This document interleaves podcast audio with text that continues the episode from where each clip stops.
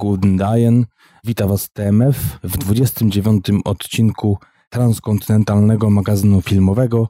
Dzisiaj w najnowszym odcinku omawiamy dla Was premiery, które miały miejsce 14 września 2018 roku, czyli w miniony piątek, wśród których jest komedia, przy której spory udział miał Abelard Giza i Kacper Ruciński, którzy byli współtwórcami scenariusza, a także długo wyczekiwany film Spike'a Lee oraz Powrót Predatora. Natomiast daniem głównym dzisiaj będzie mocno irlandzka, mocno nietypowa komedia Johna Michaela Magdana pod tytułem Gliniarz w roli głównej z Brendanem Gleesonem. Zapraszamy, rozsiądźcie się w głębokich lub płytkich fotelach i miłego słuchania.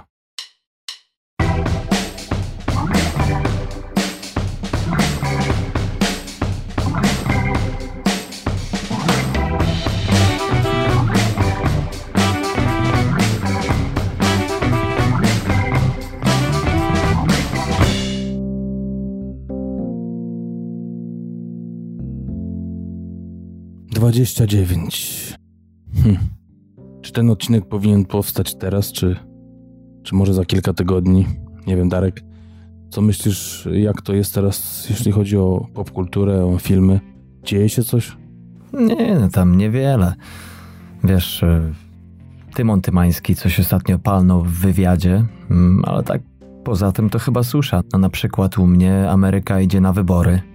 No Polska też idzie na wybory niedługo, na samorządowe. Hmm, chyba na wojnę. No ale jak się mało dzieje, to nie wiem, czy to jest sens robić odcinek. No, niektóre podcasty podobno wychodzą z założenia, że niekoniecznie. Jak z Darkiem policzyliśmy ostatnio, bo może ci, którzy nie wiedzą, to warto wspomnieć, że pełne odcinki, tak jak dzisiaj, przeplatamy półodcinkami, które mają właśnie takie numerki jak 28,5, 27,5. Pamiętam, chyba zaczęliśmy od y, numerku 3,5. Mm, Tak jest. Do takich właśnie pełnych odcinków e, razem z odcinkami specjalnymi, razem z naszym podsumowaniem pierwszego roku było w sumie już 60. Także gdzieś tam nam minęła ta 50 niezauważona i 60 też, jak się okazuje. I dzisiaj nagrywamy odcinek numer 61. Co ty o tym powiesz, Darku? No wiesz, powiem ci, że rocznica minęła, ale tak to jest, że jak się ciężko pracuje, to za bardzo nie ma co świętować co piątego odcinka i robić z tego wielkiego halo. Ale już na ostatni odcinek e, będziemy świętowali. Ale właśnie, wiesz, Darku, chodzi o to, żeby pamiętać, żeby, żebyśmy w końcu zaczęli liczyć, bo tak jak, jak nasi słuchacze mogą się mylić w tym, ile tych odcinków wyszło, tak no, nam trochę nie wypada. No tak. No to może jak ty taki skory jesteś do takich akcji, to, to może na twoje barki zrzucę odpowiedzialność. Ty masz lepszy kalkulator niż ja. Ja to w ogóle żyję z głową w chmurach, zresztą o czym ty dobrze wiesz. E, Ja jestem tego typu człowiekiem. Mam taką naturę, że rzadko rzeczy pamiętam, kiedy co i gdzie, a liczby i daty to, to już w ogóle zapomnijmy o tym. No niestety, ja też tak ostatnio mam, że, że gdzieś ten wiek zaczyna wychodzić bokiem, w sensie zaczyna o sobie dawać znać. Aha, no zobacz. Ostatnio pomyliłem dwóch tego samego wzrostu panów i z jednym się kłóciłem, dlaczego nie pamięta tego, co powiedziałem mu przed minutą. Okazało się, że to nie ten. Ale z drugiej strony miałem niedawno badanie wzroku, słuchu i generalnie badań potrzebnych do wyrobienia prawa jazdy, akurat tutaj na, na urządzenia, czy też pojazdy ciężkie, których używam w pracy i okazało się, że wzrok mam perfekcyjny, co naprawdę mnie dziwi. Tyle lat oglądania filmów, seriali po nocach bez żadnego światła, Mhm. a, a tą ostatnią linijeczkę jednak całą przeczytałem. No widzisz, ale żeby ci nie było tak e, zbyt smutno, to wad też trochę masz, także nie bój się. Jesteś dobrze zbilansowany, nadal jesteś ludzki. A, generalnie tutaj tak dowiaduję się o tym coraz częściej. Ludzie wytykają, nie wstydzą się, także Tak, coraz częściej od 30 kilku lat, tak? tak, tak. No to ładnie. Jak to kiedyś rozmawiając z kolegą Bartkiem, powiedziałem, że no wiesz co, ostatnio tak się zacząłem jakoś e, rozgadywać, jakoś tak więcej gadam niż, niż kiedyś Mhm. i tak e, wprowadzę te rozmowy i tak, nie wiem, zawsze mi się wydawało, że jestem takim małomównym, mówi to chyba od 18 roku życia przestałeś zwracać na to uwagę. Aha, okej.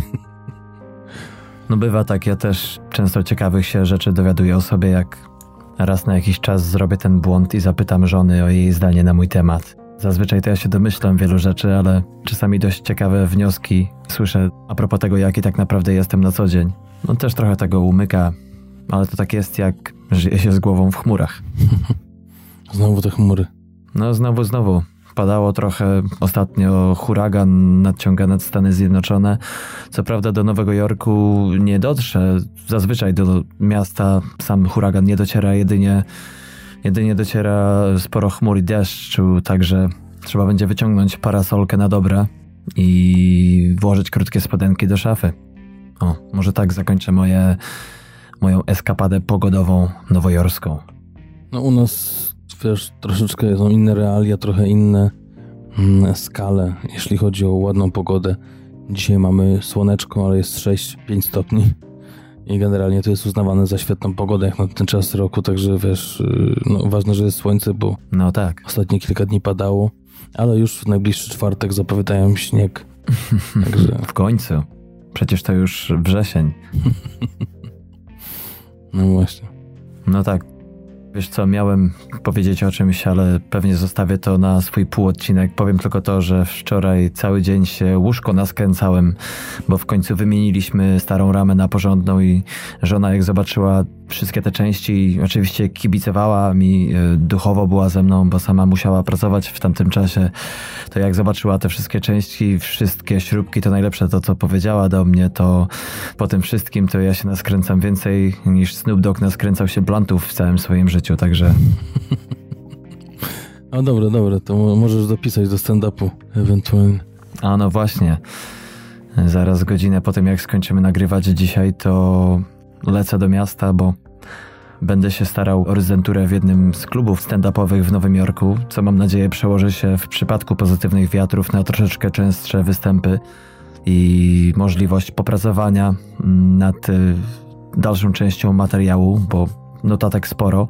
Dlatego być może będę musiał nawet dzisiaj ciutkę szybciej skończyć nagrywanie No tutaj myślę, że razem ze słuchaczami będziemy trzymali mocno kciuki, żeby wszystko się udało. Daj czadu i, i, i tyle. A dziękuję bardzo. Głosik muszę dzisiaj oszczędzać, bo trzeba potem będzie się wydzierać przed publicznością pijącą drinki. No co dzisiaj mamy, kolego? Premiery dzisiaj mamy. Mamy ich dokładnie cztery, ale pewnie wszyscy od ostatniego twojego półodcinka islandzkiego zapomnieli, gdzie nas można znaleźć w internecie, także może warto im przypomnieć. Na pewno, tak, tak. No to tak może pokrótce. Bardzo proszę, panie szanowny.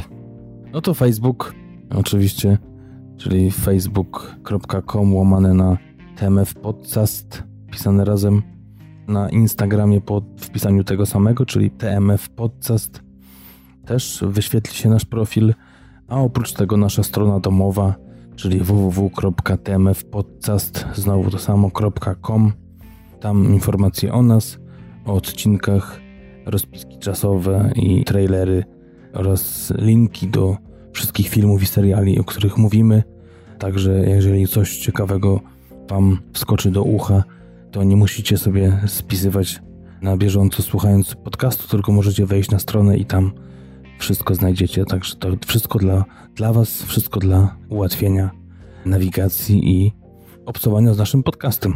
Tak jest, a ja jeszcze dodam, że jak ktoś nie ma czasu siedzieć na Facebooku, a tam jednak nas obserwuje, albo może jeszcze nie obserwuje, to na samym dole każdego posta z naszym odcinkiem załączamy także posty z Facebooka z ostatniego tygodnia, także tam możecie sobie prześledzić w chronologicznym porządku to, co się działo u nas właśnie na tamtej platformie. Zwłaszcza, że bardzo często każdy z nas śledzi bardzo wiele stron, wielu znajomych i często post tej czy innej grupy nie ukaże się komuś na ścianie z różnych względów mocno algorytmicznych. No ale to tyle. Dziś mamy, kochani, dla Was cztery premiery, tak jak Patryk na początku wspomniał.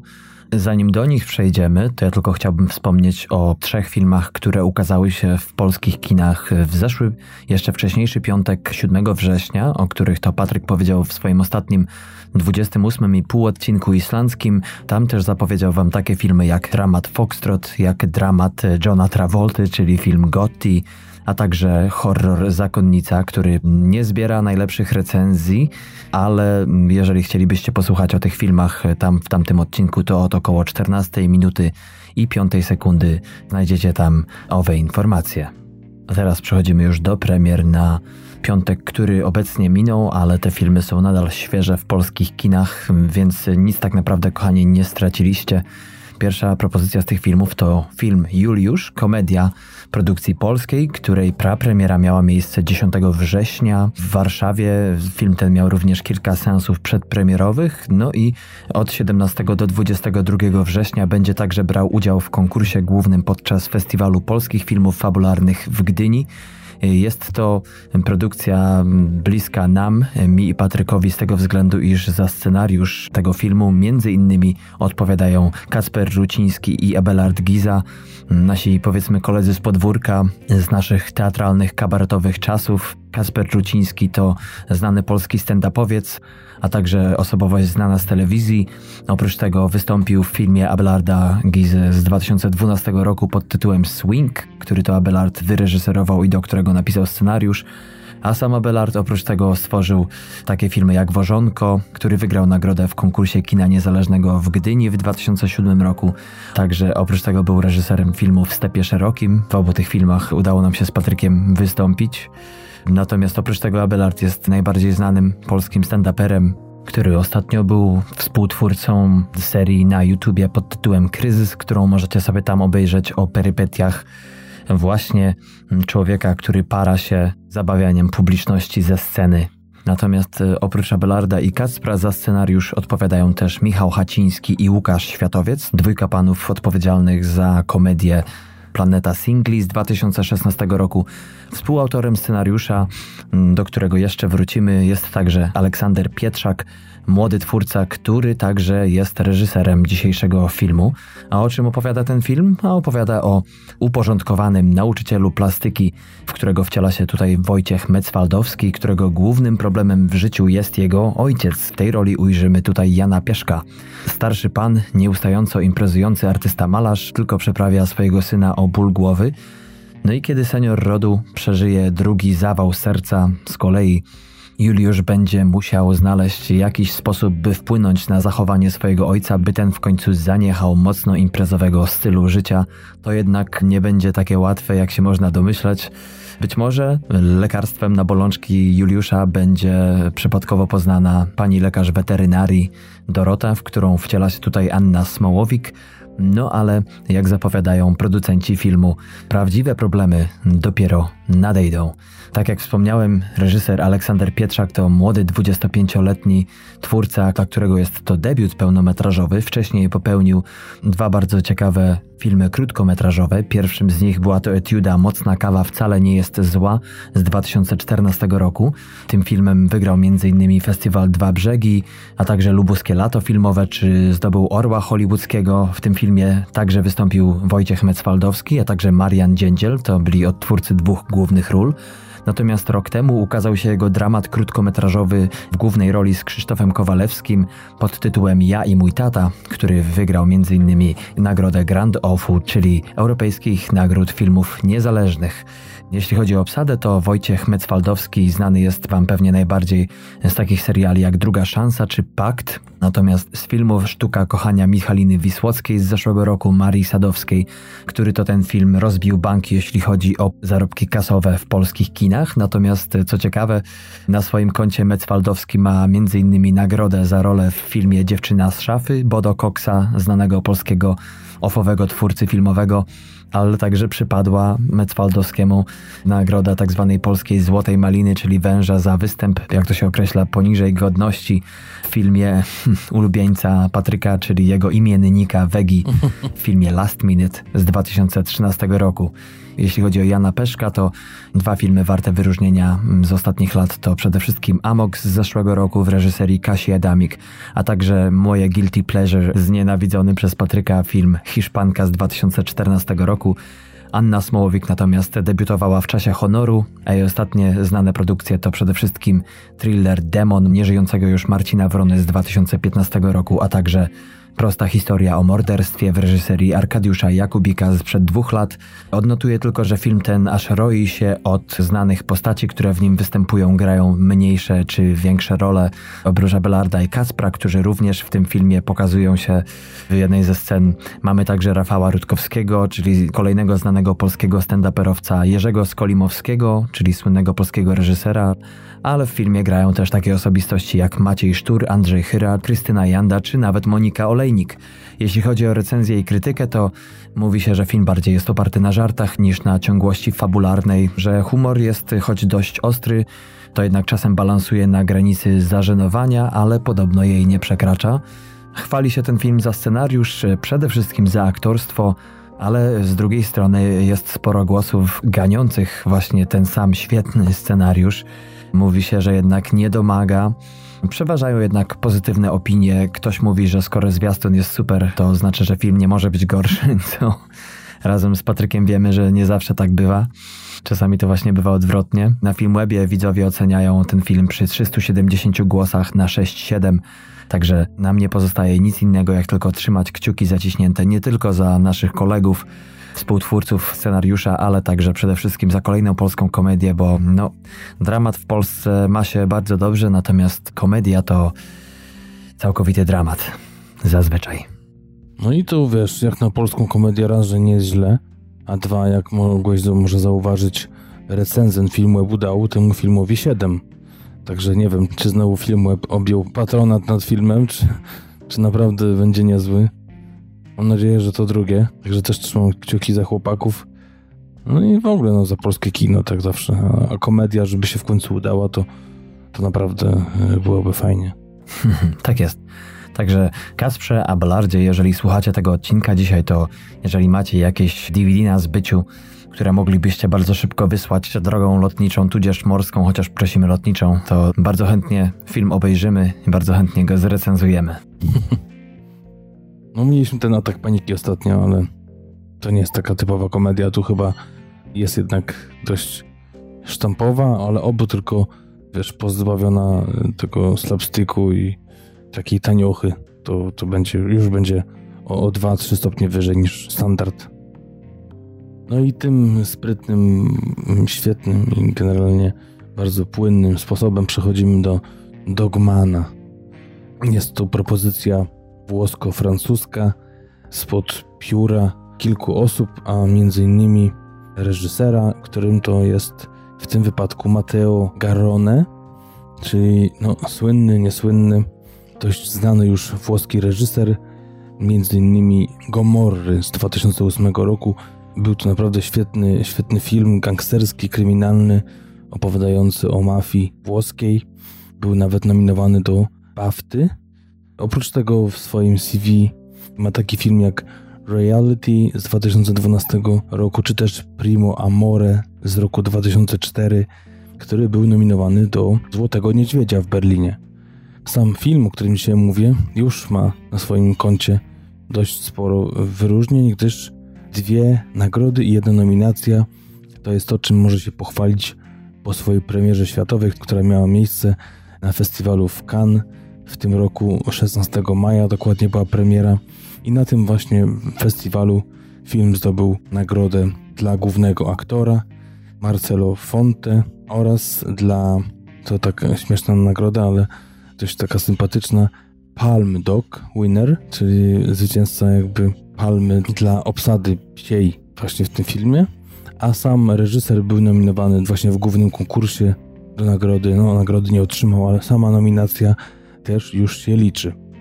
Film opowiada o Marcelu, lubianym przez całe miasteczko psim fryzjerze oraz kochającym ojcu, który stety lub też niestety okazjonalnie też współpracuje z Simonem, byłym bokserem, który terroryzuje okolice i jest takim no, y, lokalnym wataszką, lokalnym mafiozem. I niestety wchodzi właśnie od czasu do czasu z nim w kontakty biznesowe, ten traktuje go jak marionetkę i w pewnym momencie Marcelo nie wytrzymuje i poddaje się niespodziewanemu aktowi zemsty. Także tak pokrótce wygląda fabuła. Wracając do twórców filmu, scenariusz, tak jak powiedziałem, jest wynikiem pracy reżysera, ale także e, dwóch jego współpracowników, Massimo Gaudioso, z którym zrobił już Garone trzy filmy, między innymi właśnie Reality, Gomorre i teraz właśnie Dogmana, a także Ugo Citti, który ma w swoim dorobku taki film jak Hotel Roma z 1996 roku, czy też właśnie wspólnie z wspomnianą dwójką Gomorre. W rolach głównych, jak wcześniej wspomniałem, Marcelo Fonte, który zdobył nagrodę na festiwalu w Cannes, a ten ma w swoim dorobku rolę w takich filmach jak Ciało Niebieskie z roku 2011, Nieuczciwa Konkurencja z roku 2001 oraz Asino Vola z 2015 roku. Oprócz niego Eduardo Pesce, który wystąpił w takich filmach jak Fortunata z 2017 roku, Ameryka przez Q z 2013, czy też Ninica Sciano, która wystąpiła w filmie reżysera dzisiejszego filmu Reality oraz Witaj na południu z roku 2010. Jeśli chodzi o krytykę, to różnie to wygląda. Na IMDb jest to ocena 7,6, a z takich minusów, które wyczytałem na stronie Rotten Tomatoes, wyczytałem takie jakby zarzuty, że niestety, ale Carone robi to samo w tym filmie, co zrobił w swoich poprzednich, więc nie za bardzo zaskakuje i mogło to być bardziej oryginalne. A z takich pozytywnych opinii sam Dogman jest ponoć taką ciekawą metaforą i opowieścią o prawdzie oraz o skrajnościach w życiu i generalnie uznany za sztukę właśnie w mówieniu o tych sprawach. Również zwiastun, tak jak w przypadku pierwszego filmu, o którym mówił Darek, wygląda naprawdę smakowicie i bardzo intrygująco, przynajmniej takie ja miałem wrażenie. I myślę, że, że będę się przeglądał i jak tylko będę miał chwilę, to na ten film się wybiorę albo w jakiś inny może sposób, może później na DVD film obejrzę. Ja też śmignąłem sobie tu i ówdzie ostatnio po recenzjach a propos tego filmu, bo widzę, że jednak widzowie całkiem nieźle oceniają ten film. Natomiast ktoś napisał o tym filmie, że uczucie po nim, po jego seansie jest takie, jakby to Martin Scorsese opowiedział jakąś historię swoim dzieciom. Także nie wiem, czy to ma być pozytywna, czy negatywna recenzja. Niby oznaczona jest jako pozytywna, ale brzmi jako taki przytyk. No, wiele recenzji mówi, że bardzo wiele rzeczy w tym filmie jest jednak powierzchniowych, że jednak autor nie schodzi do czeluści zbyt mocno, tylko śmiga po powierzchni. No, ciężko wyrokować po tych recenzjach, ale też jeden z recenzentów powiedział coś ciekawego a propos tego filmu. Otóż powiedział, iż w tym filmie takie kategorie jak oprawca czy ofiara nie są kategoriami sztywnymi i między nimi ta różnica często się zaciera. Także może to będzie coś, co kupi Was, jeśli chodzi o ten film. Pozwoli pójść do kina.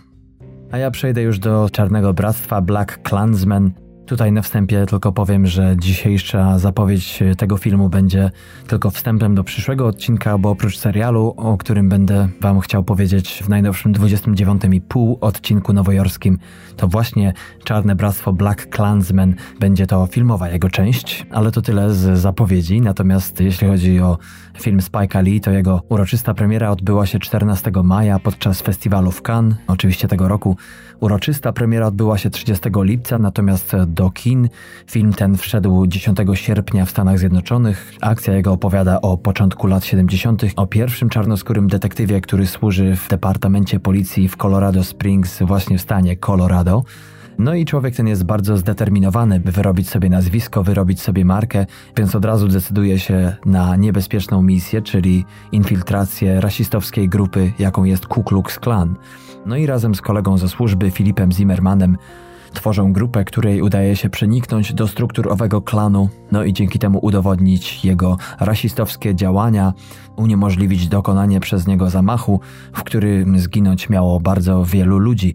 Film ten powstał na podstawie autobiografii samego Rona Stallwortha pod tytułem Black Klansman, natomiast jeśli chodzi o scenariusz do tego filmu, to powstał on dzięki trzem panom, David Robinowitz i Charlie Wachtel, to kompletni debiutanci, jeśli chodzi o kino pełnometrażowe, natomiast trzecim scenarzystą jest Kevin Wilmot, dla którego debiutem, jeśli chodzi o scenopisarstwo, był film Ninth Street z Martinem Sheenem z 1999 roku, natomiast już wcześniej Wilmot współpracował ze Spike'iem Lee. Trzy lata temu współtworzył scenariusz do komediodramatu muzycznego pod tytułem Chirac. Natomiast jeśli chodzi o samego scenarzystę i reżysera Spike'a Lee, to jest to legenda amerykańskiego kina, 61-latek urodzony w Atlancie w jednym z głównych centrów filmowych w dzisiejszych Stanów Zjednoczonych. Jest to człowiek, który w swojej karierze stworzył bardzo wiele projektów mówiących o nierówności rasowej, kulturowej i tak dalej. Przysporzył sobie swojego czasu tym bardzo wiele problemów, między innymi studiując film na nowojorskim uniwersytecie, ale koniec końców wyszło na jego i dzisiaj tam nawet jest, tak mi się wydaje do tej pory, przynajmniej do niedawna był profesorem w katedrze filmu. Jest to reżyser dwukrotnie nominowany do Oscara. W roku 90 za film Rób co należy, w 98 za Cztery małe dziewczynki. Był to dokument swoją drogą. Natomiast ostatnie jego dwie bardziej znane produkcje, powiedzmy udane, to rok 2013 i Oldboy Zemsta jest cierpliwa z Joshem Brolinem. Natomiast od zeszłego roku na Netflixie możecie obejrzeć nowe wcielenie serialu jego autorstwa z lat 80. pod tytułem She's Gotta Have It.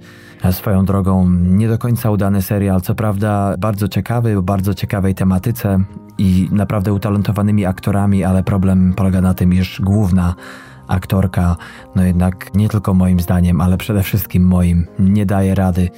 Także jak ktoś ma ochotę, to możecie sobie te propozycje na Netflixie obejrzeć. Jeśli chodzi o obsadę, to mamy tutaj Johna Davida Washingtona. Nie wiem, czy wszyscy z naszych e, słuchaczy kojarzą tego pana. Możecie nie, natomiast jest to syn Denzela Washingtona, który debiutował także u Spike'a Lee w 1992 roku w filmie Malcolm X, kiedy miał 6 lat i w tym filmie główną rolę grał nie kto inny jak jego ojciec. Natomiast powrócił tak naprawdę do profesjonalnego aktorstwa w 2015 roku w serialu Gracze z angielskiego Ballers z Dwaynem The Rockiem Johnsonem, o którym Patryk ostatnio już wspominał. Natomiast w tym roku, o czym już wielokrotnie informowaliśmy tu i ówdzie, będzie miała premiera kolejnego filmu z jego udziałem i będzie to zarazem pożegnanie samego Roberta Redforda. Mowa tutaj o filmie Gentleman z rewolwerem. Ten film ukaże się w listopadzie. Partnera Rona Stalwarta, czyli wspomnianego już Filipa Zimmermana, gra tutaj Adam Driver, znany najbardziej jako Kylo Ren z Gwiezdnych Wojen. Natomiast w tym roku, niedawno w polskich kinach, mieliście go okazję obejrzeć w filmie Człowiek, który zabił Don Quixota. No a pod koniec jeszcze tego roku ukaże się kolejna produkcja z jego udziałem w reżyserii samego Sylwestra Stallone pod tytułem Tough as They Come. Oprócz tych dwóch panów w filmie ujrzymy jeszcze takie postaci jak Tougher Grace, aktora znanego najbardziej z różowych lat 70., a także z Netflixowej Machiny Wojennej, a także samego Aleka Baldwina, którego w kinach można oglądać w filmie Mission Impossible Fallout. Jeśli chodzi pokrótce o ciekawostki związane z tym filmem, no to bardzo ciepło został przyjęty podczas festiwalu w Cannes. Otrzymał 6-minutową owację na stojąco. No a podobno, nie wiem Patryku, czy spotkałeś się z takim czymś, ale podobno żadna ze scen w tym filmie nie została wycięta w końcowym montażu. O, nie wiem, czy się nie spotkałem. Na pewno nie spotkałem się z takim opisem, że, że to chyba musi być jednak coś wyjątkowego. Wiadomo, że to jest film autorski, więc w tym przypadku autorowi jest o wiele łatwiej kontrolować scenariusz, końcowy efekt filmu, ale mimo wszystko najczęściej bywa to tak, że scenariusz i praca na planie dają tylko częściowe wyobrażenie na temat końcowego efektu, ale potem jak już się siądzie w montażowni i zacznie to wszystko sklejać w całość, to wtedy dopiero wychodzi, czy wszystkie sceny są takie, jakie powinny, czy trzeba coś dokręcić, a wielokrotnie, czy trzeba po prostu coś wyciąć. Nawet nie dlatego, że film jest za długi, ale bardzo często dlatego, że po prostu scena dana, taka czy inna, tylko wydłuża akcję, nie wnosząc nic ciekawego, co było jej początkowym założeniem, na przykład. Także to tyle a propos takie ciekawostki, tak jak powiedziałem. Więcej informacji i obszerniejszą recenzję znajdziecie, kochani, w najnowszym 29,5 odcinku, który ukaże się w przyszłym tygodniu. Powiem tylko tyle, że na Rotten Tomatoes póki co jest to 95% pozytywnych recenzji krytyków i 80% pozytywnych opinii widzów. Przy ocenach 8,3 krytyków i 4 na 5 widzów. Na IMDb jest to 7,9, także naprawdę wysoko. Ja mojej oceny końcowej nie zdradzę póki co. Film zarobił już 67 milionów dolarów przy 15 milionach dolarów budżetu na dzień dzisiejszy, natomiast czas jego trwania to 135 minut. Sporo. Mhm. Ostatnio to było słabo. Z tego co pamiętam, ja zawsze kojarzę z tymi świetnymi filmami sprzed no, 10-15 lat. Nawet ostatnio Plan Doskonały, taki troszeczkę nie w jego stylu, ale też, też świetny film, czy też właśnie 25 godzina, czy czy jeszcze te filmy z lat 90. i zawsze czekam na, na to, co tam wyjdzie spod jego ręki, spod jego pióra, bo też przeważnie bierze udział przecież w tworzeniu scenariusza i niestety ostatnie lata były dość słabe. Teraz mówiłeś o tym serialu, ale w 2015 Chirac to była komedia, no, która naprawdę była słabiutka, słabiutka. No tak, wiesz, komediodramat muzyczny, więc wiesz. Tak, tak, ale no wiesz, ale to jednak Spike Lee, więc powinno to być na jakimś poziomie, a wiem, że bardzo słabe. Tak samo The Sweet Blood of Jesus y, rok wcześniej, jeszcze gorsze.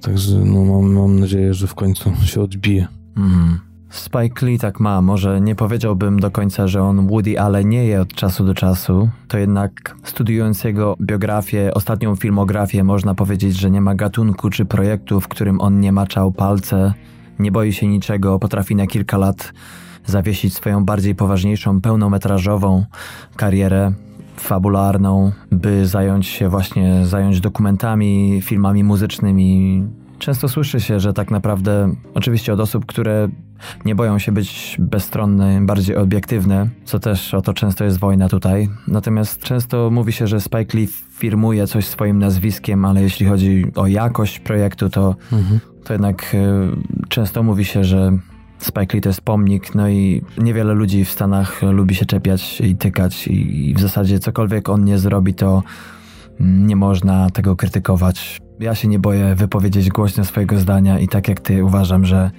sporo, ale to sporo rzeczy po prostu temu reżyserowi nie wychodzi.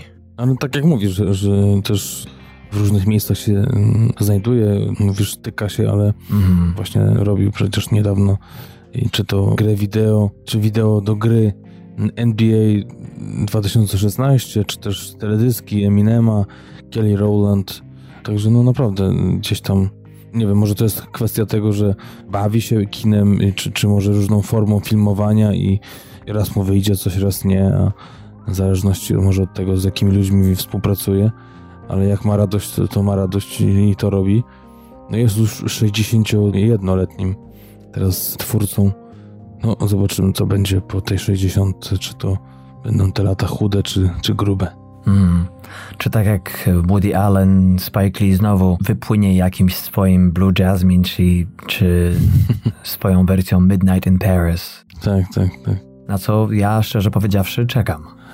Też jeszcze mówiłeś o tym, że gra tutaj syn Denzela Washingtona. Skojarzyło mi się to z ostatnim newsem, mm-hmm. który czytałem, nie wiem, wczoraj czy przedwczoraj o tym, że z kolei wnuk Jacka Nicholsona idzie w jego ślady i Duke Nicholson i będzie występował w najnowszej produkcji Jordana Pila, także też 19-latek idzie w ślady swojego dziadka. Ciekawe, co z tego będzie. No proszę, jeszcze go tam nie było. Tak. No nic, i kończmy te premiery. Przejdźmy w końcu do, do tego dania głównego. A premiery kończymy wyczekiwanym przez fanów kina akcji, trochę takiego horroru, kina przygodowego, takiego właśnie miksu tych trzech gatunków, czyli film Predator, The Predator, dokładnie z angielskiego. Film w reżyserii Shane'a Blacka, Kiss Kiss Bang Bang, 2005 rok, to jest film, który wyreżyserował Iron Man 3, 2014 rok. Dwa lata temu świetną komedię, moim zdaniem, Równi Goście. To nawet myślałem o tym, żeby żeby może wrzucić go w nasz odcinek, ale jak się okazało, jest jednak na tyle znany, że zbyt znany, żeby zahaczyć o nasz odcinek i nasze wytyczne co do filmów nieznanych czy też niedocenianych, a w 1987 roku zagrał w Predatorze numer 1 z samym Arnoldem Schwarzeneggerem. Także jest to na pewno ktoś, kto wie o co chodzi. Po tych 31 latach powraca do tego filmu i jako reżyser, także ciekawe co z tego wyjdzie. Scenariusz powstał przy współpracy właśnie reżysera razem z Fredem Deckerem, który jest autorem scenariuszy do takich filmów jak Łowcy Potworów z 1987 roku, Noc Pełzaczy z 1986, także bardzo ciekawe tytuły, i z 1993 roku Predator 3, którego również był reżyserem, także też nie jest to debiutant, jeśli chodzi o temat Predatora. W rolach głównych e, występują m.in. Boyd Holbrook, którego możecie kojarzyć. Niedawno zagrał w filmie Logan Wolverine z zeszłego roku.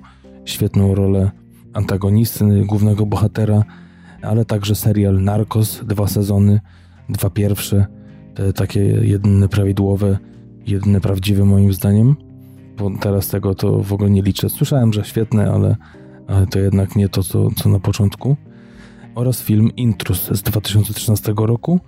Partneruje mu Olivia Moon, Aktorka znana m.in. z takich filmów jak X-Men Apocalypse 2016, z serialu Newsroom z lat 2012-2014 oraz z filmu Firmowa Gwiazdka z roku 2016 oraz Treventy Road, czyli aktor znany m.in. z Moonlight, czyli Oscarowego filmu z roku 2016, z serialu Westworld oraz z filmu Otrzęsiny z roku 2017 po trzech tygodniach wyświetlania i budżecie 88 milionów oceny na IMDB to jest 6,7, więc no taka mocno średnia, a jeśli chodzi o samą akcję, to opowiada o tym, jak to po tym, jak przypadkowo młody chłopiec wywołuje powrót śmiercionośnego łowcy wszechświata Predatora na ziemię, załoga byłych żołnierzy przy asyście nauczyciela przedmiotów ścisłych łączy swoje siły, aby zapobiec końcowi ludzkości. Także tym razem na tym będzie opierała się fabuła. Predator, który jest już szóstym filmem z tej serii, włączając w to Obcy kontra Predator oraz Obcy kontra Predator 2. A z ciekawostek warto dodać to, że Arnold Schwarzenegger odrzucił propozycję zagrania i powrotu jako Dutch. Także no szkoda.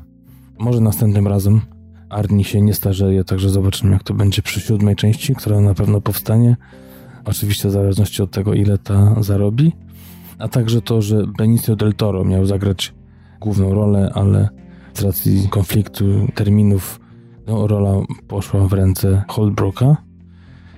Sama premiera filmu to 7 września na festiwalu w Toronto, a ogólna kinowa, tak samo w Polsce, jak i w Stanach Zjednoczonych miała miejsce właśnie niedawno, czyli w zeszły piątek 14 września.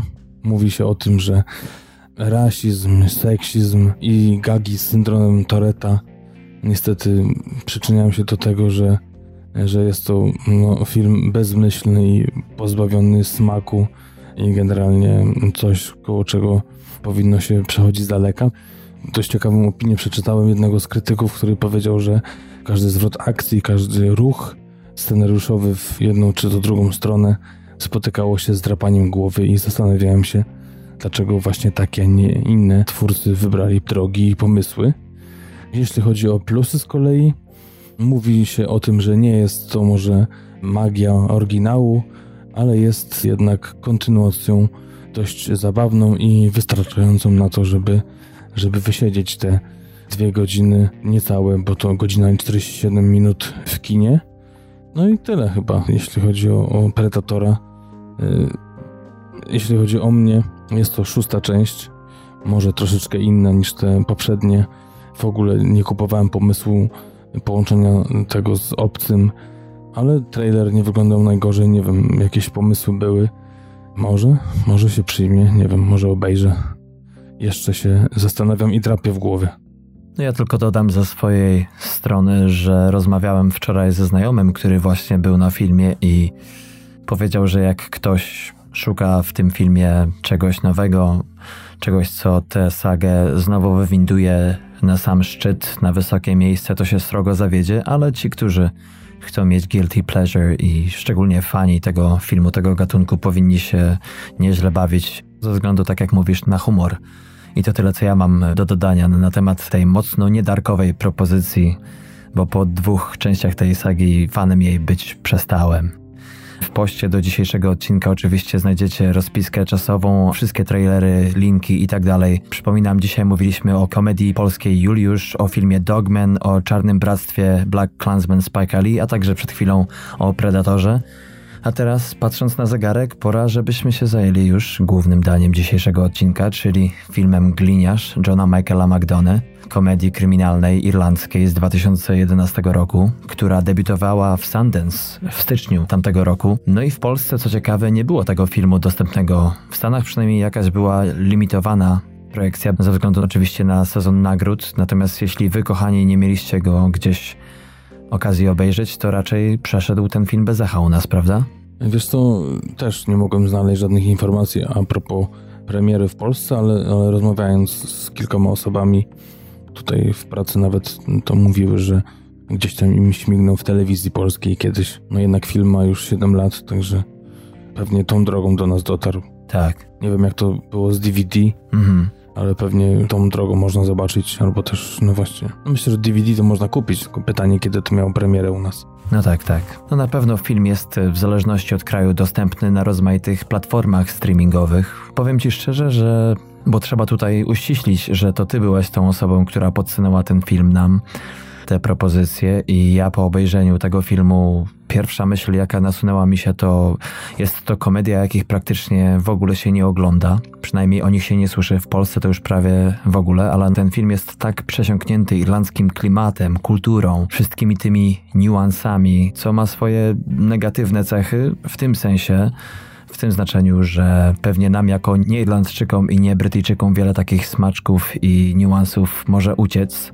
Takie mam, takie miałem przynajmniej wrażenie, odczucie oglądając ten film, ale z drugiej strony jest to tak film pokręcony, tak nietypowy, że nawet nie miałem wątpliwości, czy powinniśmy go zrobić, czy nie. No tak, mi też zwróciła uwagę na to taka prowokacyjność, nieprzewidywalność oryginalna oryginalny sposób opowiedzenia historii. Mhm. Gdzieś też y, czytałem taką opinię, że być może to jest taki film, który właśnie nie do końca jest dobrze, czy, czy jakby pasujący do, do gustów irlandzkich. Nie wiem, czemu tak akurat o tym napisali.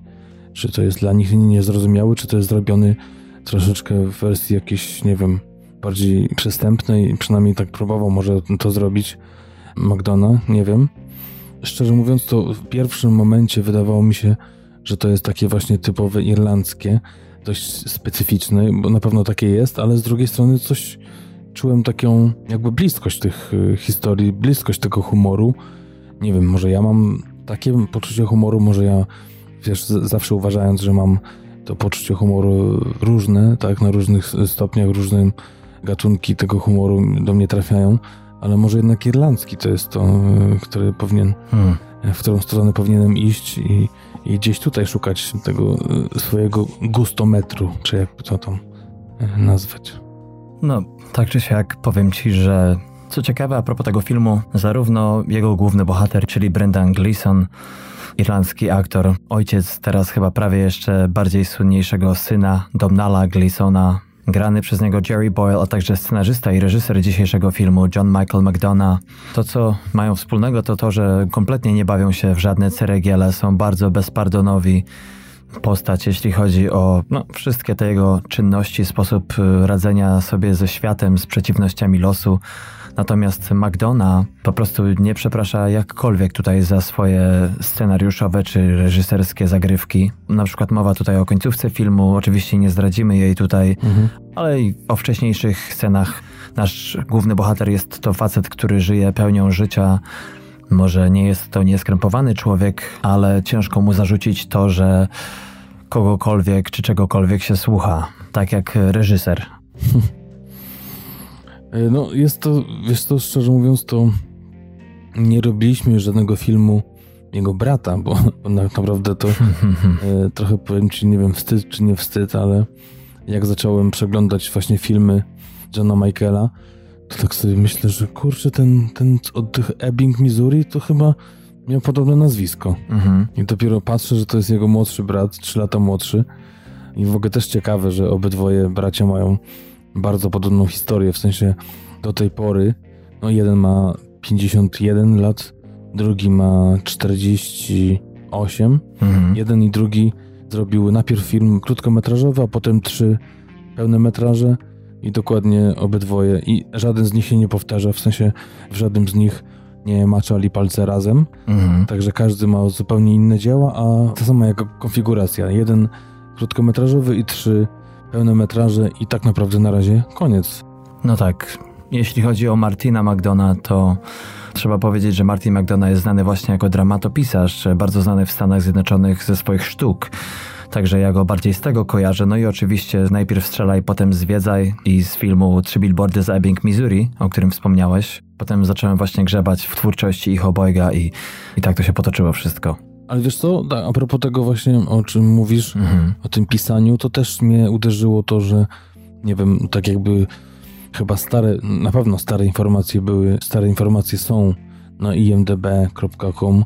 Też jak otworzysz sobie pierwszą stronę z opisem właśnie naszego dzisiejszego reżysera, to jest krótki opis, taki streszczenie jego, jego osoby, że jest to brat Martina, scenarzysta, także w ogóle w pierwszych słowach nie jest w ogóle powiedziane, że jest reżyserem, także kto wie, może i on tą samą drogę przeszedł, może i on coś pisał wcześniej. Szczerze mówiąc, ciekaw jestem, bo nie znam nic teatralnego Johna Michaela. Wspomnieliśmy o nim, o reżyserze, ale zanim się zawiesimy na jego twórczości, to może krótkie słowo o akcji jego filmu, czyli o tym gwoździu programu. Wspomniałem już, Brendan Gleeson gra w tym filmie sierżanta Jerego Boyla, który pełni służbę w małej mieścinie we wschodniej Irlandii. No i cóż, nie jest to typ pełen entuzjazmu, nie jest to osoba kojarząca nam się ze szlachetnością tego zawodu, ale którego ludzie mimo wszystko darzą jakąś tam sympatią, zaufaniem, mniejszym czy większym. Ma on no, niską tolerancję dla bliźnich, specyficzne poczucie humoru i w ogóle podejście do życia, słabość do whisky i prostytutek, no i pewnego dnia święty spokój który on sobie ceni poza wszystko, jest zmącony przez pewien narkotykowy deal, który ma gdzieś mieć miejsce u wybrzeży wschodniej Irlandii i żeby tego było mało, do tej mieściny zostaje oddelegowany nadgorliwy agent FBI, a przynajmniej tak się wydaje na kontraście do Jerego Wendell Everett, w tej roli oczywiście znany amerykański aktor Dan Cheadle, no i śledztwo w sprawie międzynarodowej siatki przemytników narkotyków rusza, i teraz pytanie, jak sobie poradzi z tym sapiący i narzekający o specyficznym poczuciu humoru sierżant Jerry Boyle? No właśnie, też w jednym z wywiadów mm, reżyser porównuje ten film do, e, do takiego westernu. No proszę. Wiesz, jakby nasz Boyle jest takim szeryfem w małym miasteczku, do którego przybywają rabusie czy, czy złodziejaszki, gangsterzy, a jakiś czy to może łowca głów, czy, czy jak mogę nazwać, taki pomocnik się nagle pojawia i z wielkiego świata i pomaga mu tę historię załatwić. Także to też e, ciekawa taka rzecz i myślę, że, że to jakby oddaje tego ducha samego filmu, że można jakby myślę rozpatrywać go w, w takich kategoriach właśnie westernu. No tak, tak. No Wiesz, to porównanie jest bardzo ciekawe, bo ten film jest tak jak, wiesz, western rządzi się swoimi prawami, tak samo ten film jest bardzo wsiąknięty w terytorium, w kulturę, w ten czas, w którym się dzieje. Nasza komedia dzisiaj ma ten specyficzny, można powiedzieć, celtycki humor, pełen cynizmu, szorstkiego języka, bardzo bezpośredniego tonu, za nic nie przepraszającego. I to nie mówię tylko o głównym bohaterze, tak sobie czasami myślę o tym, jak ty mi opowiadasz o tych Islandczykach, że są tacy bardzo mili, a przynajmniej kiedy coś mówią do kogoś, to wielu z nich stara się podejść do danego tematu dość łagodnie. Tak tutaj jednak mm, w Irlandii ci Islandczycy, gdyby tam musieli pojechać i pracować na tym wschodzie, to przeżyliby dość spory szok. bo wszystko to, co się dzieje, jest e, dość mocno absurdalne. Wiesz co, tutaj mówimy o tych wschodnich y, częściach mhm. Irlandii. Ja byłem kiedyś przez 4 czy nawet 5 miesięcy, no można powiedzieć, na zachodzie, mhm. w samym Cork i, i też zwiedzałem kilka miejsc w okolicy. Z jednej strony to był mój w ogóle pierwszy przelot samolotem, więc stres niesamowity, ale też jeden z pierwszych wyjazdów takich bardziej świadomych za granicę, bo gdzieś tam w szkole średniej wyjeżdżałem na jakieś wycieczki takie organizowane w, w typu kolonie, ale to właśnie takie, wiesz, zamknięte wyjazdy. Jesteś pewien, że to były kolonie? Półkolonie. Aha, no tak myślałem. A tutaj, wiesz, Irlandia była w 2008 chyba. Mm. Tam pojechałem do pracy i niesamowicie wspominam tą uprzejmość tych ludzi, też taką serdeczność, otwartość, więc nie wiem, czy to są może te wschodnie części kraju, czy taka najbardziej zimna i taka wiejska społeczność, bardziej może zaściankowa i taka zamknięta i też oparta na stereotypach, tak, tak jak właśnie rasizm w jednej ze scen, nawet to też dużo się nie zdradzi, bo to jest w zwiastunie nasz główny bohater mówi oskarżany o rasizm, że jaki to zarzut, jak przecież rasizm to jest część kultury y, irlandzkiej. Więc, więc, więc takie myślenie trochę jeszcze starodawne. Także nie wiem, czy to była właśnie, y, wiesz, czy to był wschód, czy to było to, że było duże miasto, nie wiem, ale, ale w ogóle zupełnie to inaczej odbieram niż to właśnie społeczeństwo, to społeczeństwo, które właśnie prezentuje nam e, McDonough właśnie w swoim filmie. Filmie, którym, o którym na jednym z plakatów widniał napis, że jest to coś pomiędzy ojcem Tedem, czy Father Ted, był kiedyś taki słynny serial A, Bad Lieutenant, czyli Zły Porucznik też, też taki słynny film, że to coś na pograniczu tych dwóch. Oczywiście też porównywalny jest do najpierw Strzelaj, potem Zwiedzaj, jeden chyba z naprawdę, szczerze mówiąc, najgłupszych tytułów, jakie przyszło y, naszym producentom czy dystrybutorom tłumaczyć, bo jak można spłycić tak świetny film Gdyż no jak, jak słyszysz najpierw strzelaj, potem zwiedzaj, to już widzisz kolejną głupią amerykańską komedyjkę. Albo płonące siodła, nie? tak, o. A tu masz, wiesz, in Bruges po prostu, jak to w ogóle...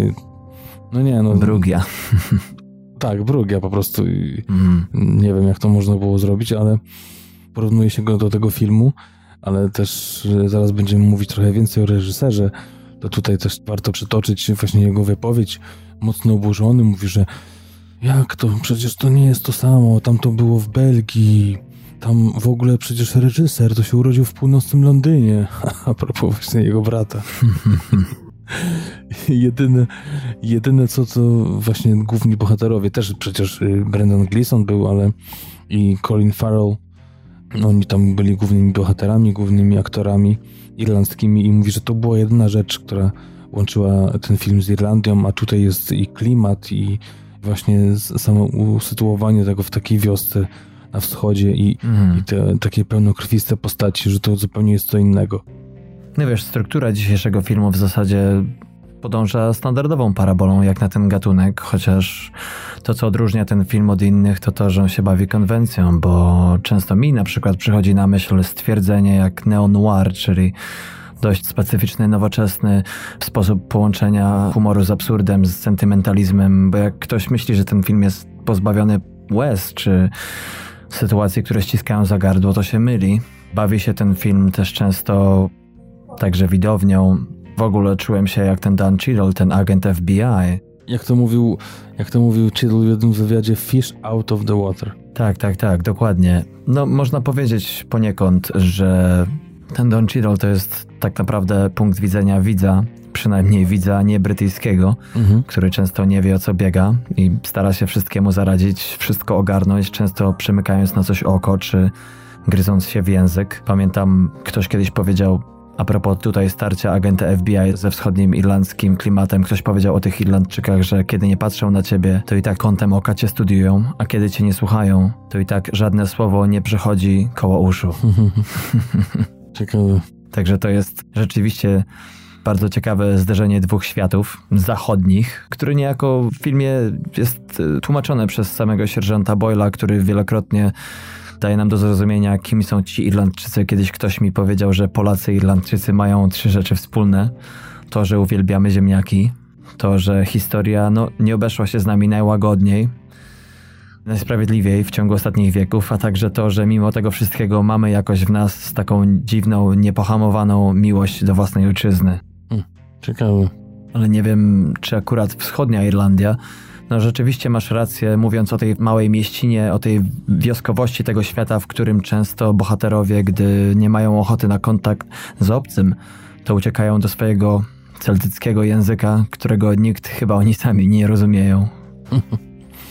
To pamiętam, że, że pierwsze zetknięcie się, jak byłem, przyjechałem do Irlandii z takim moim pierwszym pracodawcą, który na koniec rozmowy kwalifikacyjnej powiedział zdajesz sobie sprawę, że no okej, okay, twój angielski nie jest, nie jest zły, ale zdajesz sobie sprawę, że ja mówię teraz do ciebie trzy razy wolniej niż przeciętny Irlandczyk, a, a poza tym czasami naleciałość właśnie tego języka celtyckiego, a z takimi się właśnie zderza agent FBI, to też było coś, co no zupełnie dla mnie to trochę brzmiało jak turecki. Nie wiedziałem do czego to porównać. Na pewno to nie miało nic wspólnego z angielskim.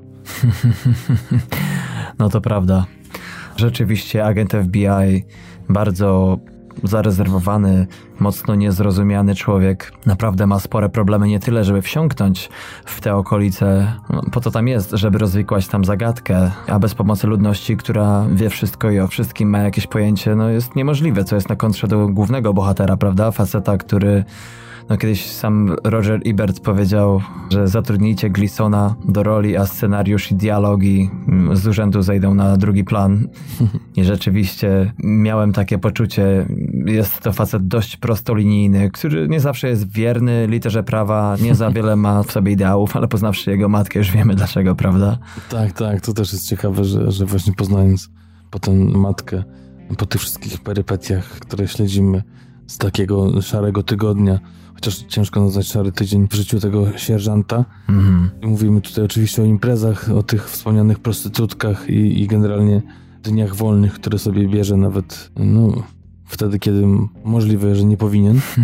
Ale sam reżyser mówił o tym, że właśnie wkładając te słowa, takie właśnie pełne rasizmu czy bezczelności i generalnie no, mało ogłady w tych wypowiedziach z naszego głównego bohatera, wkładając te słowa w usta Brendana, który jest z natury ciepłym i empatycznym człowiekiem, to po prostu nadaje zupełnie inny klimat i, i w ogóle mhm. troszeczkę mięknie ta jakby siła tej wypowiedzi przez to, że, że właśnie ten, a nie inny aktor to wypowiada. Mhm. E, I tak jak mówił, że może nie przy samym pisaniu scenariusza, ale już przy pierwszych poprawkach miał w głowie właśnie Glisona i potem na szczęście nie musiał myśleć o nikim innym, to był jego pierwszy wybór i ostateczny, gdyż no, Brendan zakochał się w scenariuszu od razu i, i, poszedł w ciemno. Zresztą tak samo potem było w kolejnym filmie, który panowie w 2014 roku e, zrobili razem. Tak, czyli mówisz o świetnym filmie Kalwaria, tak?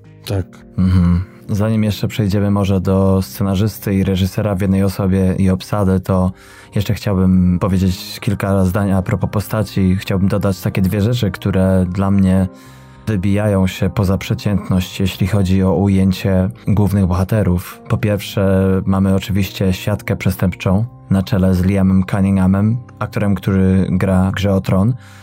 I tutaj ta grupa w tym filmie dość nieprzeciętna, no może przeciętna i nieprzeciętna zarazem, wyglądająca dość przeciętnie, ale zachowująca się dość nieprzeciętnie charakteryzuje się tym, że zamiast gadać o bzdurach, o piciu i kobietach i tak dalej, to tutaj jednak umilają czas rozprawiając o filozofii, co jakoś nie uchodzi za standardową rozgrywkę ludzi tego pokroju, a dwa, chciałbym jeszcze zwrócić uwagę na tego młodego chłopca, który często bywa informatorem Jerego Boyla. który kradnie wszystkie sceny. Tak, tak. Ale co ciekawe, właśnie nasz główny bohater nie traktuje tego chłopca jako dzieciaka, który jest wszędobylski, zawsze gdzieś w swój nos wetknie wścibski, tylko akurat w filmie reżyser dodaje powagi temu chłopcu i rzeczywiście główny bohater traktuje go jako równorzędnego partnera, którego tak naprawdę nie ma oficjalnie. A jednocześnie, wiesz, i partnera, i takiego, który też potrafi skłamać i, i gdzieś tam manipulować nim, także no, no, no takiego równorzędnego informatora ulicznego, mhm. ale dorosłego i ze wszystkimi zaletami, przewarami takiej właśnie osoby. Tak jest. Teraz chyba dobra pora jest na to, żeby zająć się głównym twórcą dzisiejszego filmu, a także aktorami. Wspomniałeś już jego słynnego brata, wspomniałeś jego film Kalwarię.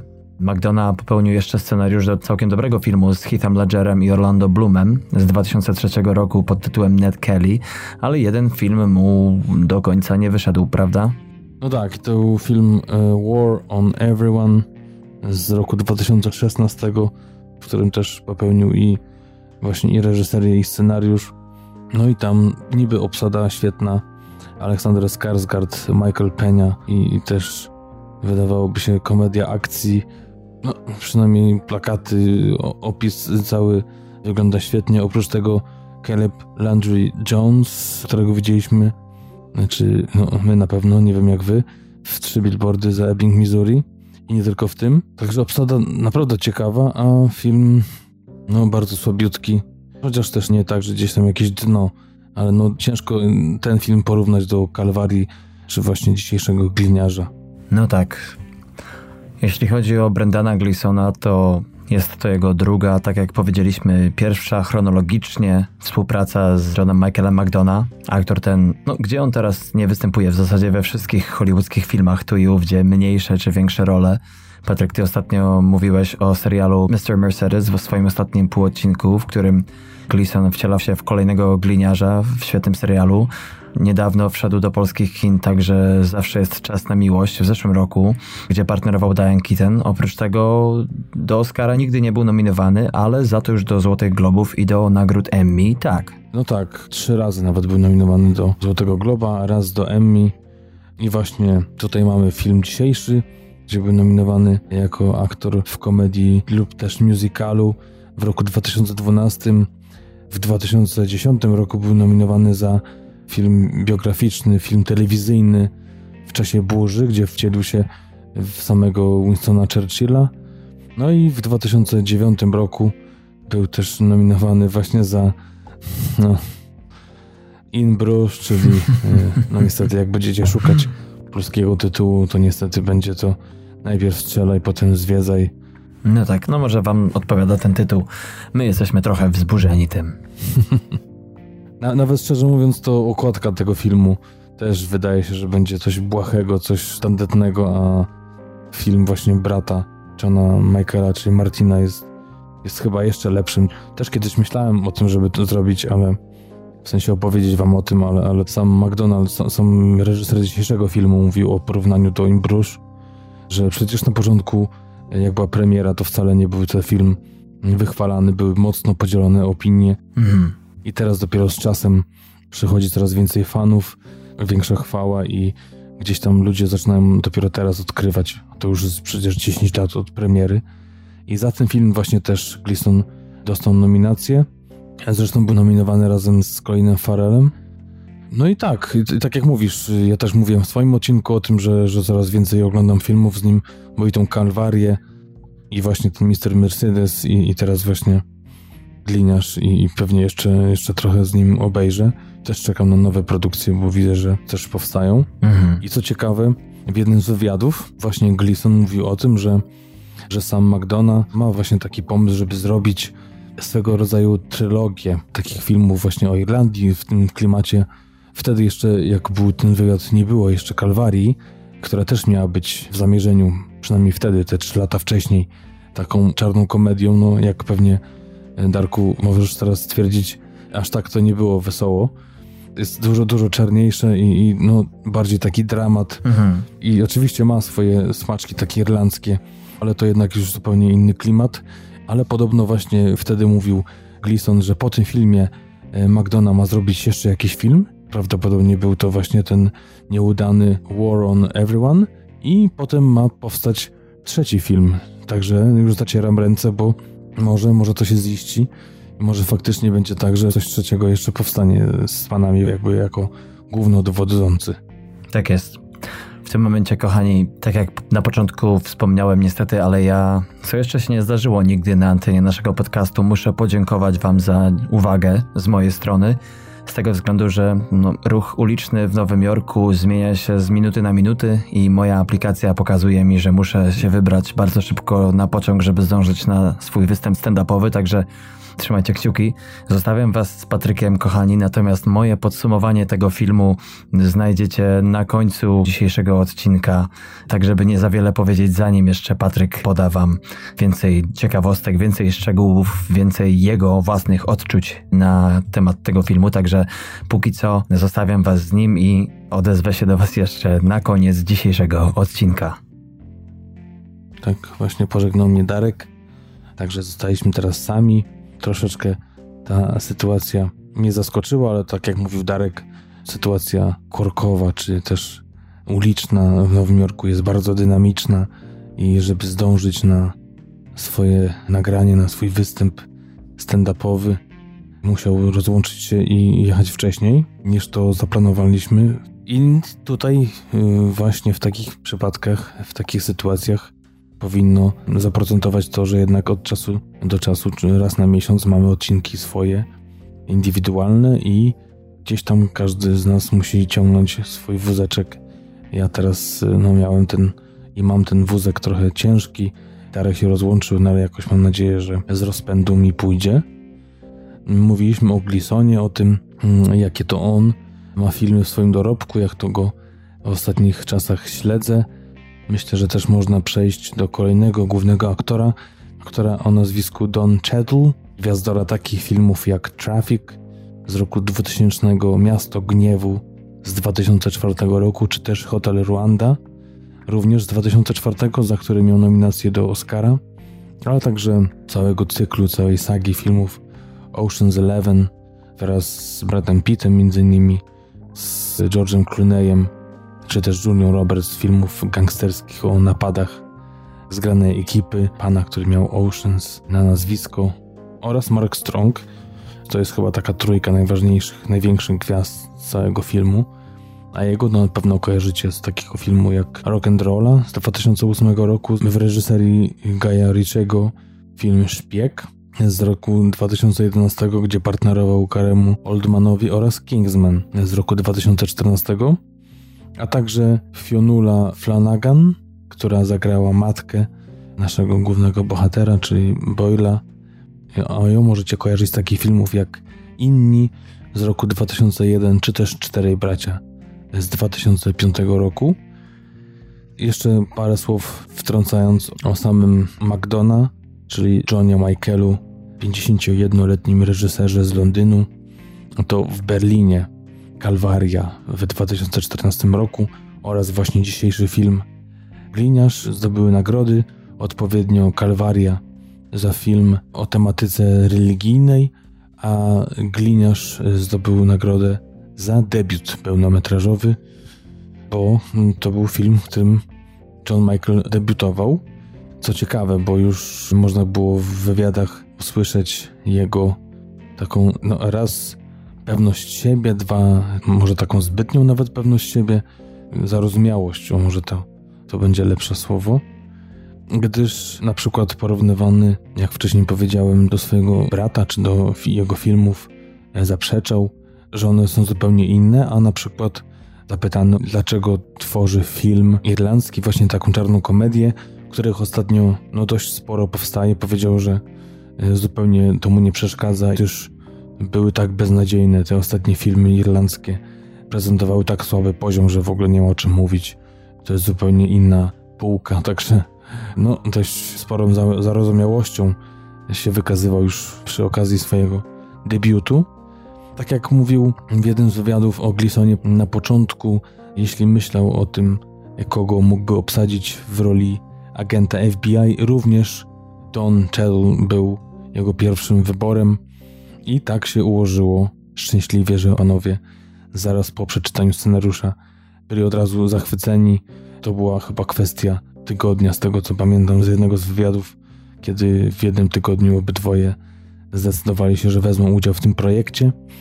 Również reżyser mówił o tym, że bardzo dużo aktorów, gwiazdorów Hollywood czy ogólnie światowych, mówi o tym, że bardzo często myślą o tym, żeby właśnie porzucić te wielkie swoje superprodukcje i wziąć udział w jakimś filmie indie, jakiejś produkcji niezależnej, która właśnie opiera się na świetnym scenariuszu, a tak naprawdę mówi to jest bzdura, bo większość z nich zaraz potem kończy w kolejnej piątej części Transformersów, e, no to cytuję właśnie naszego zarozumialca McDona.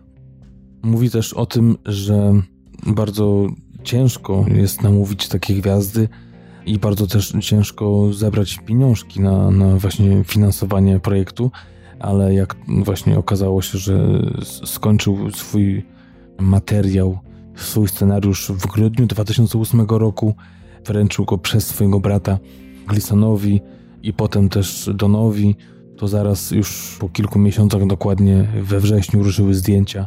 Także mając za sobą taką obsadę, dużo łatwiej się zbiera fundusze, szuka się sponsorów i mówi, że koniec końców mieli kilku chętnych i nawet mogli wybrać, z którego powiedzmy woreczka, z której szuflady pieniądze wyciągnąć, a też chylił czoła dwóm aktorom, gdyż oni byli na 100% zaangażowani w projekt, nawet wtedy, kiedy na samym początku nie było ani grosza, ani centa, ani jednej koronki, czy też eurocenta, więc nie wiadomo było, czego można się spodziewać. W końcu sam Cheddle, który jeden z wywiadów powiedział o tym, że generalnie wieloma rzeczami się zajmuje, jest filantropem, ma też swoją firmę i właśnie powiedział, że zajmuje się tym, żeby wynajdować scenarzystów, ciekawe scenariusze, nie jest takim gwiazdą czy takim aktorem, który po prostu czeka na propozycję. Tak to było w tym wypadku. Został producentem też wykonawczym. I to tyle, jeśli chodzi o właśnie wywiady z aktorami. Jeszcze takich ciekawostek kilka a propos samego reżysera, który właśnie mówił o głównym bohaterze Boylu, który troszeczkę mówi, przypomina jego samego. Też zakochany w starych filmach amerykańskich. Sam Donna jest fanem lat 70. w amerykańskim kinie, a Boyle to lata 20-40. Filmy z Humphreyem Bogartem, z Garym Cooperem i mówił właśnie o tym, że postać Lisona jest taka właśnie dość w dziwny sposób komfortowa, jeśli chodzi o swoje życie. Jest takim samotnikiem, ale też izolowanym emocjonalnie, mm, osobą bezprecedensową, szczerą do głębi, ale też dobrym człowiekiem, który mu zależy na pracy. A samo to, że właśnie wypowiada się w taki, a nie inny sposób, to nie jest taka po prostu tempa bezczelność, a to, że jest cynikiem i próbuje prowokować ludzi swoimi opiniami, wypowiedziami, i to jest chyba jedna z największych zalet tego filmu, przynajmniej z mojej strony, te komiczne sytuacje wynikające z, właśnie z takiej niewyparzonej gęby Boyla. To jest creme de la creme komedii i to są chyba najlepsze e, momenty dla mnie. Jeśli chodzi o same kręcenie filmu, same krajobrazy, o których mówili aktorzy i cała ekipa, że byli zachwyceni tym klimatem, Oczywiście, jeśli chodzi o, ukształtowanie terenu i samą bliskość morza, ale już to, jaka była pogoda, to ponoć wołało o pomstę do nieba, gdyż praktycznie non-stop padało. Musieli się wbijać w jakieś kilkugodzinne przerwy i wielu aktorów i twórców mówiło o tym, że deszcz padał nawet horyzontalnie, także w, w poprzek, prosto w oczy. Nawet y, kilka razy musieli przerwać kręcenie a jedna z moich ulubionych scen, kiedy to właśnie nasi gangsterzy spotykają się i rozmawiają o jednej z akcji, którą chcą przeprowadzić. Scena jest genialna, rozgrywa się w oceanarium, gdzie stoją przy akwarium. To pierwszy pomysł był taki, żeby w tle tej sceny jeździła kolejka, roller coaster, ale gdy pojechali na miejsce, okazało się, że przez złą pogodę właśnie wszystko zostało złożone, zwinięte i firma się wyniosła. Ale to też robiło klimat, to też powodowało, że film był taki, a nie inny. A sam reżyser też mówił o tym, że od samego początku próbuje budować postać, żeby człowiek, odbiorca, widz identyfikował się z nią, żeby gdzieś w jakiś sposób jej kibicował. I gdzieś w ostatnich scenach wtedy buduje się to napięcie wynikające właśnie z tego, że, że człowiek, że widz martwi się o tego głównego bohatera, i porównał to do tego, że jest to zupełnie co innego niż na przykład w takich filmach jak superprodukcjach z Tomem Cruzem, gdzie oglądamy te sceny, jak to powiedział, jak kreskówki, gdyż wiemy, że przecież Tom Cruise nie może zginąć, więc generalnie bez emocji. A on próbuje, nie ma nadziei, że, że jego filmy są zupełnie inne i że jednak mają ten klimat takiej niepewności, strachu o życie głównego bohatera i nie wiadomo co, jak się skończy. Także to też jest taki smaczek i taki duży pozytyw tego filmu. Generalnie z większością jego opinii się zgadzam, ale czasami wydaje mi się, że trochę za bardzo zarozumiale się posługuje tymi pozytywami swojego filmu, no ale to może taki charakter po prostu. Wartością filmu jest to, iż dostaje się w nim wszystkim i Irlandczykom, i Anglikom, Amerykanom, a nawet Włochom, także nikt nie zostaje tak zwaną świętą krową i też muszę się przyznać, że też widzę w tym jedną z największych zalet tego filmu. No i to chyba tyle, jeśli chodzi o, o same takie odczucia. Warto dodać, że film miał budżet ostatecznie 6 milionów dolarów, a zarobił na całym świecie około 20, jest dokładnie dane podają 19,6 miliona dolarów. A cytując krytykę, mamy 7,4 na imdb.com, 6,7 tylko przy niecałych 9000 głosów na Filmwebie oraz aż 123 na 130 pozytywnych opinii na Rotten Tomatoes przy średniej ocenie 7,7 na 10. A same zdjęcia, jeśli ktoś nas słucha z Irlandii i kojarzy tamte rejony, były kręcone w Barn, Connemara oraz Spindal we wschodniej Irlandii. Jeśli chodzi o ulubione sceny, to tak jak powiedziałem wcześniej, jedna z nich to jest ta rozgrywana w akwarium, gdzie spiskują gangsterzy. Kolejna scena to jest rozmowa y, naszego głównego bohatera z matką oraz tak naprawdę prawie każde zdarzenie bohaterskiego sierżanta z funkcjonariuszem FBI. Wszystkie ich rozmowy, nawet najkrótsze. Po prostu salwa za salwą śmiechu. Dawno tak po prostu szczerze, do bólu nie płakałem ze śmiechu, jak na tym filmie. Polecam, myślę, że, że nie tylko tym, którzy lubią ten klimat irlandzki. Myślę, że i islandzki klimat też powinien ten film polubić. Ja nie uważam, że ten film jest wolny od, od jakichkolwiek minusów. Myślę, że, że są wątki, które mogły być poprowadzone lepiej, bardziej dokładniej. Niektóre postaci są mniej wykorzystane, że na tym ekranie są na tyle długo, że dałoby się z nich coś wyciągnąć więcej. No ale tak czy inaczej, Darek teraz podzieli się z wami swoją oceną, a ja na koniec powiem, jaka jest moja. No i teraz następuje to magiczne cięcie, o którym wspomniałem wam kilkanaście minut temu i ze swojej strony podsumuję wam dzisiejszy film. Muszę powiedzieć, że film może nie jest doskonały. Jest w nim kilka niezwiązanych sznurków, jeśli chodzi o wątki, o fabułę, ale podobno jest on świetną metaforą Ir Irlandii, zwłaszcza tej wschodniej, czego potwierdzenie znalazłem w wielu recenzjach irlandzkich recenzentów. Tak jak mówię, jest to dość niespotykane połączenie humoru, brutalności, głupoty i ludzkiej fantazji. Ktoś powiedział, tak jak wspomniałem już wcześniej, czasem film potrafi być zbyt mądry, co nie zawsze działa na jego korzyść. Sporo, zwłaszcza na mnie, Brytyjczykom, umyka w nim, ale mimo wszystko też stanowi to jakąś w sobie wartość. Obcowanie samo z inną kulturą dla mnie przynajmniej było bardzo ważne, bardzo wyjątkowe, ale też sporo rzeczy, sporo humoru jednak, zwłaszcza na początku filmu, sprawia, że możemy parsknąć w kilku miejscach śmiechem. Ktoś kiedyś powiedział o tym filmie, że nie wiadomo, czy jest on głupi, czy też mądry, ale na pewno jest zabawny. I ja się do tego przyłączam. Moja końcowa ocena tego filmu to 12 na 15. No, no ja akurat troszeczkę lepiej ten film oceniam dla mnie. To jest takie 13,5, nawet chyba 14 na 15 w naszej skali TMF-owskiej. Genialna, świetna komedia. Myślę, że ja zarzucam temu filmowi mniej niż Darek i polecam i też zachęcam Was do tego, żebyście podzielili się swoimi opiniami. Czy bardziej jesteście w kierunku Darka, czy w moim. Będzie nam miło, jeśli znajdziemy jakiś komentarz czy opinię a propos odcinka, czy też właśnie filmu, który dzisiaj szczerze polecamy. No i chyba tyle. Dziękujemy za kolejny pełny 29 odcinek TMF-u, który troszeczkę jest opóźniony w stosunku do tygodnia, w którym mówimy o premierach. Spróbujemy się teraz troszeczkę podciągnąć i też wyrównać te premiery razem z odcinkami, ale to zobaczymy, co przyniesie przyszłość. W każdym razie zapraszamy na Facebooka, jeśli chodzi o właśnie informacje dotyczące premier naszych odcinków. One czasami są lekko opóźnione, ale wszystko na bieżąco starałem się zamieszczać na Facebooku naszym. Także tam zapraszamy na www.facebook.com łamane na TMF Podcast. Tak samo nasza strona domowa, czyli www.tmfpodcast.com. Tam zapraszamy na rozpiskę czasową odcinka, zwiastuny filmów, o których mówimy. Tam wszystko znajdziecie i tam też jest formularz kontaktowy. Również przez stronę facebookową możecie do nas się odzywać. I zapraszamy również na kolejny odcinek 29,5, tym razem z Nowego Jorku.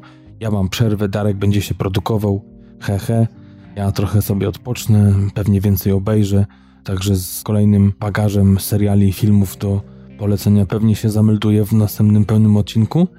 Dziękuję za dziś. Mam nadzieję, że słuchało się miło i zapraszam do kolejnego odcinka.